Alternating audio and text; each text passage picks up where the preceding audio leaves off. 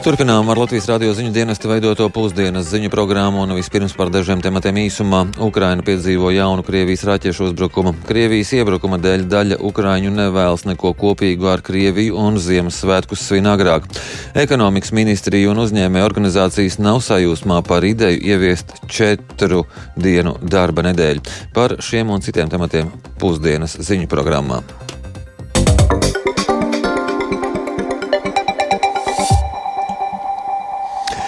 Visā Ukraiņas teritorijā šorīt skanēja gaisa trauksme, kas brīdināja par iespējamiem Krievijas raķešu un dronu uzbrukumiem. Jaunas apšaudas piedzīvojusi Hersonas pilsēta valsts dienvidos.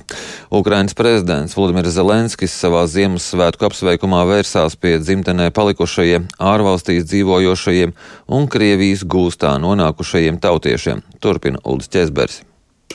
Krievijas spēki arī šorīt turpināja apšaudīt Helsonas pilsētu, kur vakar notikušajā uzbrukumā iebrucēji nogalināja vismaz desmit cilvēkus, bet vēl gandrīz 70 ievainoja. Daļai no viņiem ievainojumi ir smagi un dzīvībai bīstami. Diemžēl dažiem cilvēkiem nācās amputēt sprādzienos sadragātās kājas. Aizvadītajā diennaktī Krievijas karaspēka apšaudēs Helsonas apgabalā nogalināti kopumā 13 cilvēki, bet vēl trīs ukrāņu speciālisti zaudēja dzīvību atmīnēšanas darbu laikā. Helsonas apgabala kara administrācijas vadītājs Jaroslavs Januševičs aicināja iedzīvotājus evakuēties uz drošākiem rajoniem, lai neapdraudētu savu un tuvinieku dzīvību. Ukrainas prezidents Volodimirs Zelenskis vakar vakarā apsveica valsts iedzīvotājus Ziemassvētkos, norādot, ka šogad svētkus nākas sagaidīt smagos un nepierastos apstākļos. Дорогі українські народи, сьогоднішній день та всі прийдешні зимові свята ми Darbie Ukraiņi! Šo un visas pārējās svētku dienas mēs sagaidīsim grūtos apstākļos. Kāds pirmo zvaigzni debesīs ieraudzīs virs Bahmutas, Rubižnes vai Kreminas, tūkstošiem kilometru gara frontes līniju. Kāds ir ceļā, ceļā no Ukrainas, Polijas robežas uz Helsonas apgabalu vai Zaporīžu. Kāds to redzēs pa ložu radītajiem caurumiem savas mājas jumtā. Kāds sagaidīs svētkus svešās mājās, bet ne pie svešiem cilvēkiem, pie ukraiņiem, kuri ir devuši pajumti ukraiņiem Kāds dzirdēs šedriku citā valodā - Varšavā, Berlīnē, Londonā, Ņujorkā, Toronto un daudzās citās pilsētās un valstīs. Un kāds šos Ziemassvētkus sagaidīs nebrīvē, bet lai atceras, ka mēs izglābsim arī šos cilvēkus, mēs atdosim brīvību visiem ukraiņiem. І по цих наших людей ми повернемо свободу усім українцям. Ukrainas bruņoto spēku ģenerālštāps paziņojis, ka vakar Krievijas spēki veica piecus raķešu un aviācijas uzbrukumus, kā arī vairāk nekā 90 reaktīvās artilērijas uzbrukumus pārsvarā civilajiem objektiem. Savukārt Ukrainas aizstāvji atbildējuši ar vairākiem aviācijas un artilērijas triecieniem pa iebrucēju pozīcijām. Aizvadītajā diennaktī ir iznīcināti vēl 620 iebrucēji, bet kopš pilna apmēra iebrukuma 24. februārī Krievija ir zaudējusi jau vairāk nekā 100 divus tūkstošus karotāju, liecina Ukraiņu aplēses. Krievijas karaspēks jau vairākus mēnešus mēģina ar lieliem spēkiem ieņemt Bahmutas pilsētu Donetskas apgabalā, taču pagaidām bez būtiskiem panākumiem. Amerikāņu Domnīcas kara izpētes institūts analītiķi raksta, ka pēdējās dienās ir palēninājies Krievijas spēku uzbrukumu temps pie Bahmutas. Tomēr esot pāragri spriest, vai iebrucēju ofensīva Bahmutas virzienā ir sasniegusi savu kulmināciju. Analītiķi arī prognozē, ka Krievijas spēkiem turpmāk būs arvien grūtāk uzturēt augstu uzbrukuma operāciju tempu Bahmutas apkaimē, un tie var mēģināt uzsākt taktisku vai operatīvu pauzi. Kara izpētes institūta eksperti norāda, ka Krievijas karaspēka operatīvās spējas pie Bahmutas varētu ietekmēt privātā algotņu grupējuma Wagner lielie dzīvā spēka zaudējumi. Ir izskanējusi informācija, ka sliktās apgādes dēļ Wagner savērvētajiem kaujiniekiem trūks nepieciešamā ekipējuma, tāpēc tāpēc viņus sūtot cīņās bez aizsargķiverēm un bruņu vestēm. Uldis Česberis, Latvijas radio. Krievijas iebrukums Ukrainā daļu ukraiņu pamudinājis Ziemassvētkus šogad svinēt agrāk nekā ierasts. Kādā noskaņojumā Kīvas iedzīvotāji pavada desmito mēnesi kopš Krievijas noziedzīgā iebrukuma Latvijas radio korespondentes Indras Sprances reportāžā.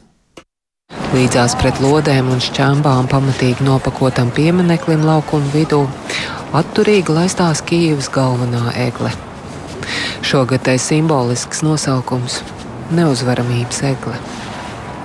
Uzstādīta kara laikā, bez krāšņām rotām un gaismiņām, toties ar baltiem miera paložiem un to valstu karodziņiem, kas karā pret iebrucēju atbalsta Ukrainu. Augstu zaros balta balāža astē, arī Latvijas karodziņš.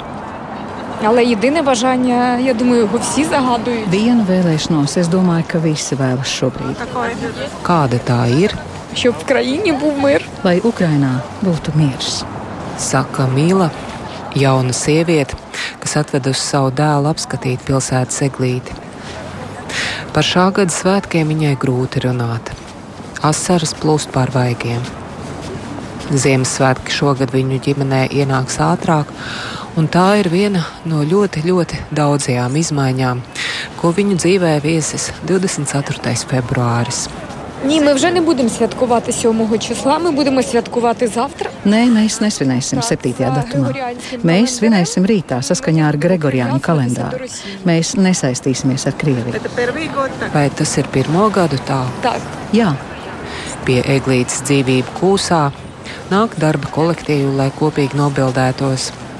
Daudzas ģimenes ar bērniem.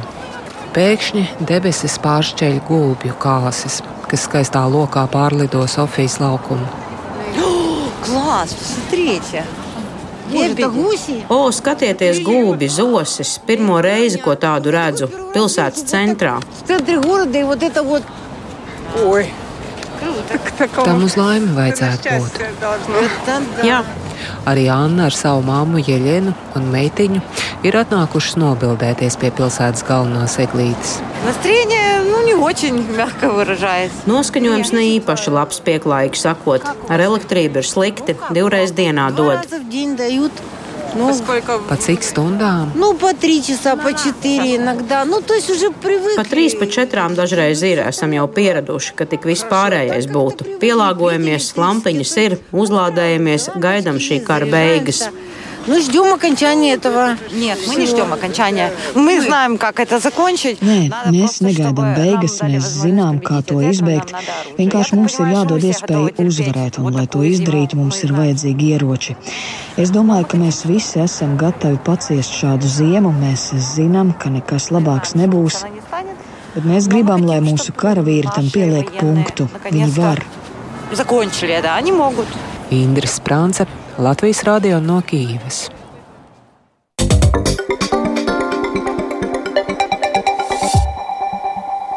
Saima šonadēļ turpmākajai vērtēšanai trīs komisijās nodeva priekšlikumu par pārēju uz četru dienu darba nedēļu. Uzņēmē organizācijas un ekonomikas ministrija par šo ieceri ir skeptiskas, savukārt arotbiedrību savienība ideju aicina vismaz apspriest. Vairāk Jāņa Kīņča veidotajā ierakstā. Saņemot vairāk brīva laika, cilvēki būtu apmierinātāki ar darbu un augtu radošumu līmenis. Tādējādi arī būtu vairāk laika mācībām, sevis pilnveidošanai vai vienkārši atpūtai. Tā ideja par 32 stundu darba nedēļu, balstot līdzīgos piemēros ārzemēs, pieteica platformā Mana balss. Tur to atbalstīja virs 11 tūkstošiem cilvēku. Saīsināta darba pieeja jau pašlaik neliedz likumu individuāli kādā uzņēmumā, taču visā valstī un visos sektoros pāriet uz četru darba dienu modeli būtu nesaprātīgi.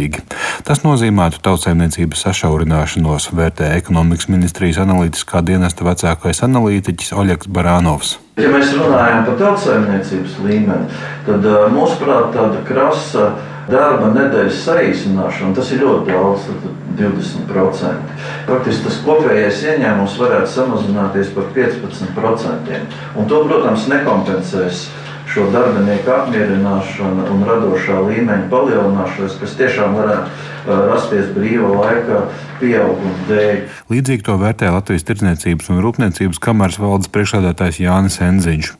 Viņš to ilustrē šādi: ja nedēļā saražo četrus, nevis piecus galdus, ir mazāk ko pārdot un nopelnīt. Ja mēs gribam noķert un apsteigt Baltijas valstu kaimiņus, tādā labklājības ziņā vairāk vai mazāk vēlamies sasniegt uh, Eiropas Savienības dzīves līmeni, ka, nu, nu, šādos apstākļos strādāt vēl mazāk, nu, uz visu valsti šādu kārtību pieeju attiecināt, un tas būtu totāli bezatbildīgs solis katrā ziņā.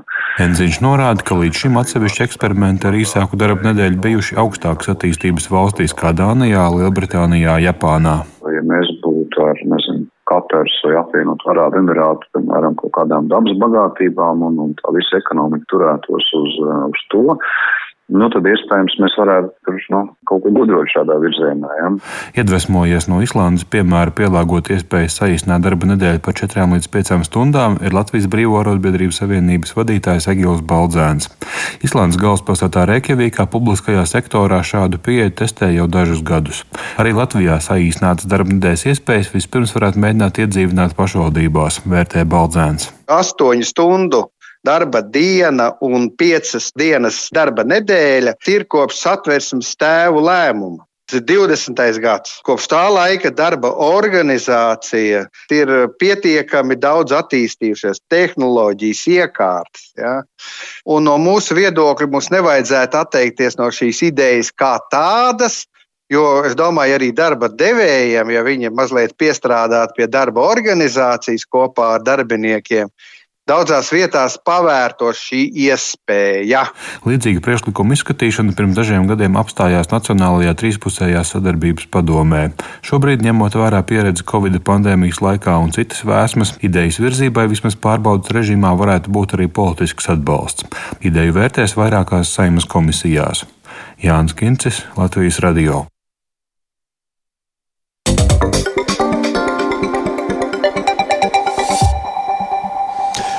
Pasliktinājusies jau ilgstoši slimnīcā esošā leģendārā Brazīlijas futbolista Pelē veselība. Vienu no visu laiku labākajiem futbolistiem novembra beigās ievietoja paliatīvās aprūpas nodaļā. Viņš jau kādu laiku cīnās ar resnās zarnas vēzi.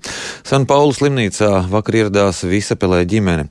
Vairāk jau tūlīt pastāstīs Mārtiņš Kļavnieks, kurš mums pievienojas tiešredzē. Sveiks, Mārtiņ! Sveiks, Laura, un sveicam arī klausītāji. Kāda ir jaunākā informācija par Pelē veselību?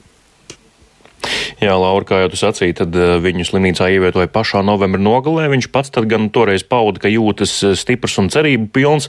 Slimnīcā viņu nogādāja, lai atkārtot izvērtētu pagājušā gada septembrī atklātās resnās zarnas vēža ķīmijterapiju. Tad tika veikta operācija un bija jā, jāizvērtē, kā tad veids ar um, tālākajiem uh, atlapšanas posmiem. Tā informēja paša ārste, bet nu, pēdējās dienās 82 gadus vecā pelē veselība ir pasliktinājusies. AP ziņo, ka vakar slimnīcā ieradās viens no viņa dēliem, Edinju. Vēl piekdienā īpašā preses konferencē Edinju pavēstīja, ka ārsti ar visu tiks galā un neplāno apmeklēt tēvu slimnīcā. Savukārt vakar dažas stundas pēc ierašanās Alberta Einsteina slimnīcā Pelē dēls tīmeklī publicēja fotografiju, kurā redzams, kā tur tēva roku tēt, mans spēks ir tavs, tā zem foto rakstīja Edinju.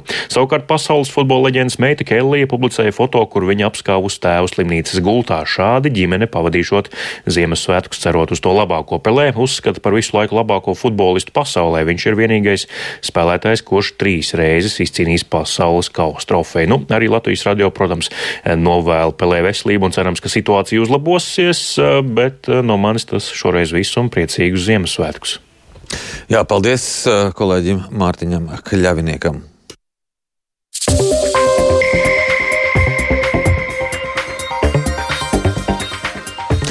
Pusdienas ziņu programma izskan raidījuma producents Edgars Kupčs, ieraksts montēja Kaspars Groskops pie skaņu pults Kristaps Eida, bet studijā Lauris Zvejnieks.